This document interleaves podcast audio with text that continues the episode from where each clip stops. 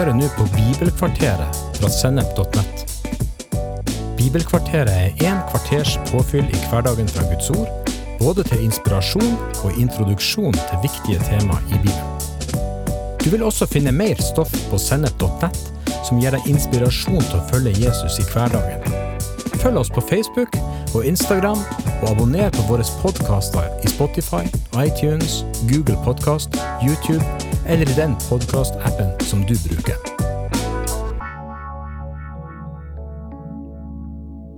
I denne andre episoden om nattverden, eller brødsbrytelsen, så skal vi snakke litt om praktiske ting rundt dette viktige måltidet. Særlig dette med å bryte brødet i heimene.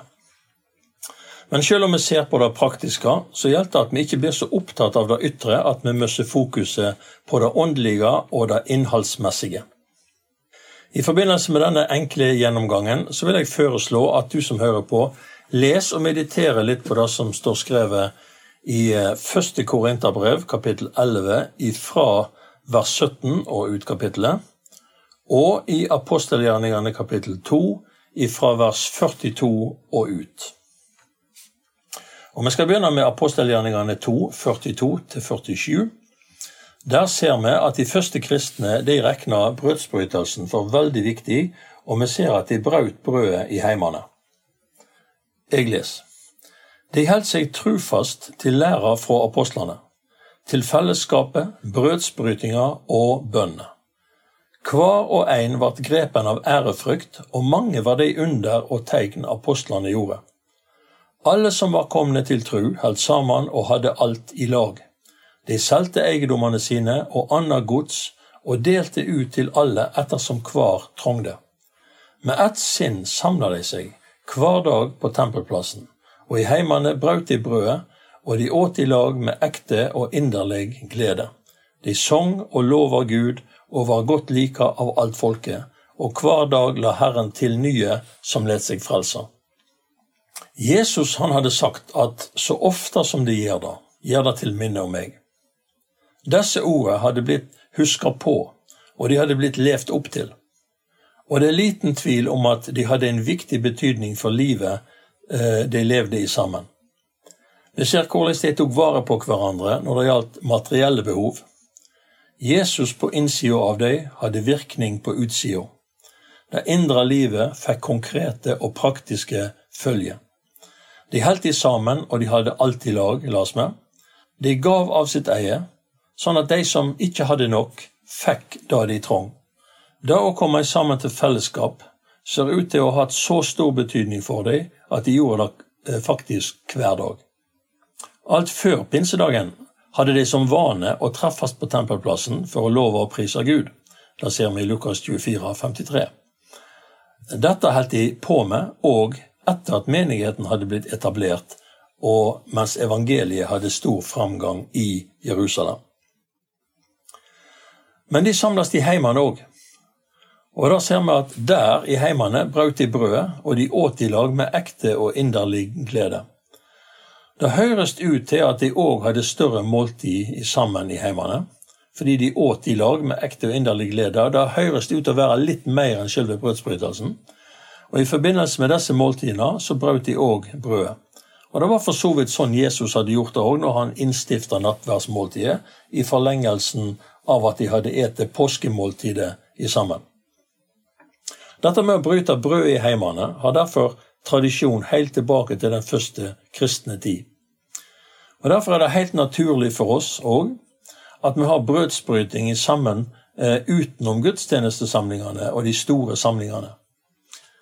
Mange menigheter i dag har ulike samlinger i heimene. Cellegruppe, bibelgruppe, bønnegruppe, og i, i, alle sånne samlinger så er brødsbrytelsen noe som har sin helt naturlige plass. Heimen er òg arena for mange andre fellesskap, ikke minst familiefellesskap. Jeg og kona mi vi har et vennepar som bor i Mellom-Europa en plass. Vi har besøkt dem eh, flere ganger og har hatt mange middagsbesøk i heimen deres. Før vi begynner på maten, så tar mannen i huset alltid et flatbrød. Han bryter opp og deler det med oss, og så fyller han litt saft i glassene våre. Og så takker han Gud og proklamerer Guds løfte over livene våre, og så sier han fram Guds velsignelse over oss. Dette gjør han hver gang familien sitter rundt middagsbordet, ikke bare når de har eh, gjester.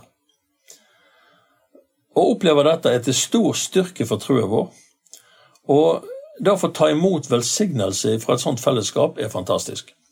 Det er stort å se Guds truskap og velsignelse i det Jesus gjorde for oss på korset. Samtidig så ser vi hvor enkelt det er å bryte brødet. Vi ber gjerne ei bønn før maten uansett, så hvorfor ikke bryte brødet i samme anledning? Om det er et middagsbesøk, et arbeidsfellesskap av kristne eller ei samling av folk i menigheten, har da å bryte brødet og dele Herrens måltid sin helt naturlige plass, både i heimen og utenfor heimen. Ekteskapet mellom mann og kvinne er òg et paktsforhold, der mye av kjærlighetsrelasjonen de imellom handler om å tjene hverandre, ære hverandre og elske hverandre og legge ned livet for hverandre.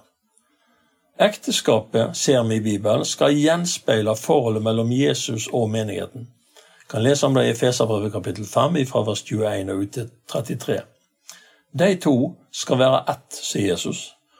Og Paulus han sier her i Feserne 5 at de skal være underordna hverandre i ærefrykt for Herren. Og så står det at mannen skal elske kona si sånn som Jesus elsker menigheten og gav seg sjøl for henne. Hva er mer naturlig for ektefolk som ønsker å leve sammen i truskap på Guds måte, enn å minnes Jesus ved å bryte brødet i sammen. Det er lettere å huske på å legge ned livet for hverandre når vi minnes hvordan Jesus la ned livet sitt for oss. Og når vi deler Jesu kropp og blod på denne måten, og på samme tid praktiserer det å legge ned livet for hverandre, så forkynner vi noe, faktisk, uten nødvendigvis å bruke ord. Vi forkynner ved å demonstrere. Sånn står det i første kor 11, 26. For hver gang de et dette brødet og drikker av begeret, forkynner det Herrens død helt til Han kjem. Når vi forkynner Hans død, blir vi påminte om hvordan vårt gamle liv er skjult med Jesus. Vårt gamle menneske døde nemlig med Han på korset. Og når det gamle er borte, er òg det nye livet frigjort inn i oss til å være som Jesus er, i hverdagen og i hverdagslivet. Derfor har jeg dette å anbefale til alle ektepar. Forbered et lite rundstykke og litt vin eller saft i et glass ved frokostbordet eller ved kveldsmaten. Bryta, del med hverandre, et og styrk hverandre med gode ord, med velsignelse og med takk til Gud og bønn for hverandre. Å bryte brødet er ikke et rituale, men det har et innhold, og det gir mening. Vi skal ikke ta det useriøst og lettvint for pakten med Herren forplikter. Måten det blir gjort på, kan variere i forhold til det som er situasjonen. Når vi feirer Herrens måltid i forbindelse med gudstjeneste og større samlinger, så vil det ofte være en vanlig ting at mange leser det samme avsnittet i første kor 11 hver gang. Der siterer Paulus de ord som Jesus sa når han innstifta måltidet. Dette tror jeg kan være til god hjelp, både til å forstå hva som skjer, og til å minnes Jesus på rett måte. Ved andre anledninger, f.eks. når mann og kone bryter brødet, så kan det ofte være like naturlig bare å takke, bare å be for hverandre, si gode ord til hverandre, og ord som styrker pakter deg imellom. Hva vi sier og hvordan vi organiserer brødsbrytelsen rent praktisk, særlig i mindre settinger, kan òg ha utgangspunkt i en eller annen situasjon eller et eller annet tema. En gang kan det f.eks. være å tilgi og ta imot tilgivelse. Det kan være et tema som står sentralt. En annen gang så kan fokuset være på det å bli stående i kampen som ofte føler de utfordringene som er rundt oss. Derfor blir òg bønner vi ber, og det vi sier rundt, varierende, og det knytter opp til den aktuelle situasjonen vi er i der og da. Men uansett utgangspunkt, det er alltid godt å minnes Jesus og finne hjelp i det å stå sammen i den nye pakt som han har oppretta med sitt eget blod. Hva med barna, er det er mange som spør. Kan de ta del i brødsbrytelsen? Og eventuelt ifra hva alder? Om dette finnes det mange ulike meninger og ulik praksis. Mange mener at barna har sin helt naturlige plass helt ifra de kan ta til seg fast føde. I de fleste tilfeller så vil det være foreldrene som vet best hvor hen barna er i prosessen av å ta imot Jesus som sin Herre og sin Frelser. Min personlige mening er at disse vurderingene ikke må hoppes bukk over. Om foreldrene vil bryte brødet i heimen mens barna er til stede, så gir dette en veldig fin anledning til å snakke med barna og forklare dem det innholdsmessige rundt måltidet. Det kan dessuten bli et veldig godt utgangspunkt for å snakke om evangeliet generelt med dem. La barna være i en prosess der dette med å tro og gi respons til evangeliet blir en personlig ting som gjør de delaktige på et solid grunnlag. Evangeliet er ikke bare for voksne. Barna har òg rett til å høre det evangeliet som har kraft til å frelse. Selve prosessen kan ta tid, og ofte lang tid, men den er viktig nok til at en må ta tida til hjelp. Om barna må vente med å ta del i paktsmåltidet til de har kommet fram til sin egen avgjørelse om å følge Jesus, så er ikke det et hinder for deg, men det kan gjerne bli ei avgjørende hjelp for å komme fram til ei personlig tru, som både bør markeres og feires når den er der. Men det er foreldrene som har det største ansvaret for å gå veien i sammen med barna, og da må det òg være foreldrene som avgjør for dem om og når de kan ta del i brødsbrytelsen. For somme kan det være tidlig, for andre langt seinere. Nå har vi snakka litt om ulike anledninger vi har for å feire Herrens måltid i heimene.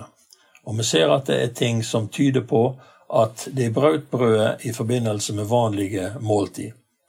Dette kan synes å være sånn òg ved gudstjenestefeiringene i den første kristne menighet. Iblant de forsamlingene som Paulus skrev til, så er det helst til menigheten i Korint han tar opp dette med brødsbrytelsen. Og Sånn er det kanskje fordi at Paulus fant det nødvendig å komme med en skikkelig korrigering til måten de gjorde ting på. Men vi får heller se det positive i at vi faktisk kan lære mye av at de måtte korrigeres. Så hvordan var det da i Korint? Jau, for det første så ser det ut til at eh, de hadde store måltid når de kom sammen, og at de hadde mat med seg. Det var mye folk der. Og det var rike folk der som hadde mye mat med seg og det var andre som var fattige og hadde ingenting. Problemet var ikke at noen var rike og at noen var fattige, men problemet var at de som var rike, ikke delte med de som var fattige. De som hadde mat, de åt og åt, og de åt seg mette, uten syn for andre enn seg sjøl. De hadde rikelig med vin med seg, og de drakk så mye at flere faktisk ble fulle. En livsstil som er preget av forskjellsbehandling, grådighet og overflod på bekostning av fattige søsken i samme menighet, er ikke i samsvar med det Jesuslivet vi er kalt til å leve. Tvert imot bryter slike ting ned der meningen var at det skulle bygge opp. Det gjør skade der det skulle gitt legedom, og det splitter der det skulle gitt enhet. Det er bare ett brød Jesus Kristus. Han tar imot alle og har blitt tatt imot av alle som kjenner han. Det er bare én Kristi kropp, men den har mange lemmer som Gud har satt i sammen, for at det ikke skal være splid, men sånn at alle lemmene skal ha samme omsorg for hverandre. Tenk på kroppen. Vi kan ikke ha et annet forhold til Jesu kropp enn forholdet vi har til Jesus sjøl. Vi kan ikke inkludere de vi liker, og ekskludere andre. Vi kan ikke favorisere somme og være uforsonlige med resten. Vi kan ikke elske de vi har en god kjemi med, og unngå de irriterende og de med lavere status. Nei, her er det Paulus skriver i første kor 12, 23-25. De lemmene på kroppen som vi tykker er mindre ære verd, de viser vi heller større ære. Og de lemmene som vi kjenner skam ved, kler vi enda mer sømmelig. De andre lemmene trenger de ikke. Men Gud har sett kroppen sammen slik at det som mangler ære, heller får større ære, så det ikke skal være strid i kroppen, men at lemmene skal ha samme omsorg for hverandre. Jesus kunne sikkert sagt mange ting som kunne vært nyttig både om innhold og om praksis rundt dette med Herrens måltid. Kanskje han overlot til apostlene å undervise om dette? Sjøl sa han relativt lite om hvordan vi skulle feire det viktige pakts- og fellesskapsmåltidet. Men de ord han sa, tror jeg var veldig viktige ord. Og jeg vil at disse ordene skal være avslutningsordet i denne eh, enkle undervisningen om Herrens måltid, og håper at du som hører på, vil ta deg tid til å meditere litt på dem. Her er det han sa. Dette er min kropp, som er for dykk.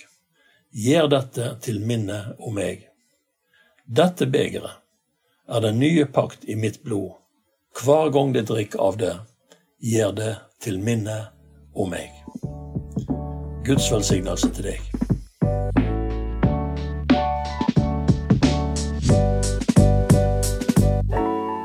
Du har hørt en episode fra Bibelkvarteret på sennep.nett. Du vil også finne mer stoff på sennep.nett som gir deg inspirasjon til å følge Jesus i hverdagen. Innholdet på Sennep er gratis og tilgjengelig for alle, takket være økonomisk støtte fra kristent nettverk, menigheter og enkeltpersoner. Du kan også hjelpe oss ved å be for oss at vi skal forkynne ordet med frimodighet. Ved å dele innholdet vårt med venner og bekjente ved å rate podkastene våre på iTunes eller i podkastappen som du bruker. Eller ved å gi en engangsgave på VIPS. VIPS nummer 54 66 68. Takk for at du lytter til Sennep.nett.